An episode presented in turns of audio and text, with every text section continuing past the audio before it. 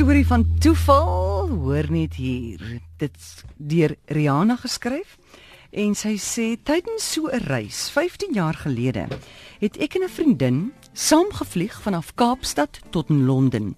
Hoe en waar dit gebeur het kan ons tot vandag nog nie vasstel nie, maar ergens in die harwar van besige lughawens het my en Katinka se reisdokumente omgeruil geraak sonder ons medewete natuurlik. Douanebeamptes is veronderstel om te kontroleer of jou gesig ooreenstem met die prentjie in jou paspoort, maar toe ons by Heathrow aankom, is ek met Katinka se paspoort deur die kontrole en sy met myne. Wat hierdie saak nog meer merkwaardig maak, is dat ek en Katinka hoegenaamd nie na mekaar lyk nie en die ouderdomsverskil is byna 30 jaar. Ek het toe my paspoort in my handsak gesit en nie weer daarna gekyk nie. Katinka natuurlik ook nie. Ek kla nie nou daaroor nie. Hierdie omruil het my lewe gered. Vanaf Heathrow het ons nog saam tot in Londen gereis en toe ons paie geskei. Katinka sou binne enkele dae Oostenryk toe gaan en ek en my seun wat in Londen werk en my daar ontmoet het, sou die volgende dag Skotland toe gaan. Nou al was die plan dat ons mekaar nie weer sal sien nie, het Katinka op die ingewing van die oomblik my seun se selfoonnommer gevra, net ingeval. Ek het nie my foon by my gehad nie, want ek het besluit ek wil daarsonder reis. Ook was dit deel van die groot raadsplan, weet ons nou. Ek en Katinka het mekaar gegroet en is toe weg. Nou wil ek sê Edinburgh is een van die lieflikste stede in Europa. Die enkele dae wat ek en my seun daar sou saam wees, moes maksimaal benut word. Op die eerste oggend van ons verblyf in die stad, het ons een van die mooiste oudste restaurante uitgesoek om ontbyt te eet en ons reisplanne te beraam. Ons het by die lekkerste tafel op die stoep van die restaurant onsself tuis gemaak. Ons sou uitgebreid eet, jy weet mos hoe gaan dit met 'n hongerseun, ma moet betaal. Ons sou die kaarte en reisgidse bestudeer, die oggendkoerante lees en kyk wat die beroemde wispelturige skotse weer maak. En dan sou ons die stad vat. Ons het net ons sit gekry. Toe bel of toe lui my seun se foon. Dit was Katinka in Londen, dringend op soek na my. Sy het my reisdokumente by haar, sê sy vir my.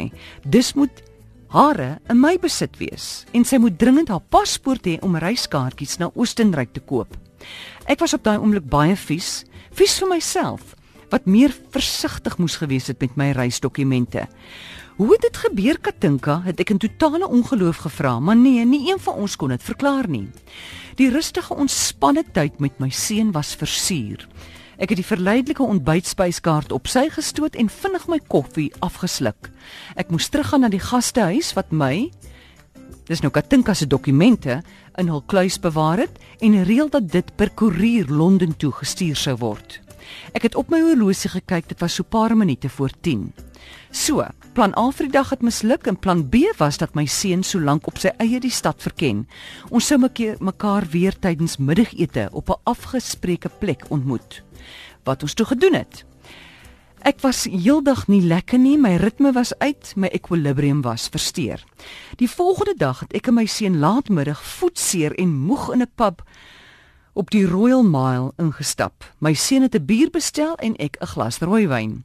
Ons het reg onder die skadu van 'n imposante kasteel gesit. My seun het die pub se koerant nader getrek Teen die tyd was die koerant van die pub maar gehavend. My seun het 'n rukkie in die koerant rondgeblaai en skielik het sy oë al hoe groter geraak. Hy het op sy kop of liewer skies tog hy sy kop nader in die bladsy laat sak en stip met gekonsentreerde aandag gelees. En ek kan nog goed onthou dat ek kon sien hoe bleek hy geword het. Hy het woordeloos die koerant na my oorgeskuif. Vet letters en 'n skreeuende opskrif het die storie vertel. 'n Kelnerin en 'n toerus uit Amerika. 'n Vrou is om 10uur die vorige dag by 'n restaurant in die stad dood. Die Amerikaanse toerus se man is beseer en in die hospitaal. In 'n fratsongeluk het 'n swaar paar dakteels van die restaurant se dak reg bokant hulle koppe losgekom en op die niks vermoedende mense neergestort. En daar was 'n foto van die ongelukstoneel. In die foto was die restaurant waar ek en my seun die vorige dag ontbyt sou eet.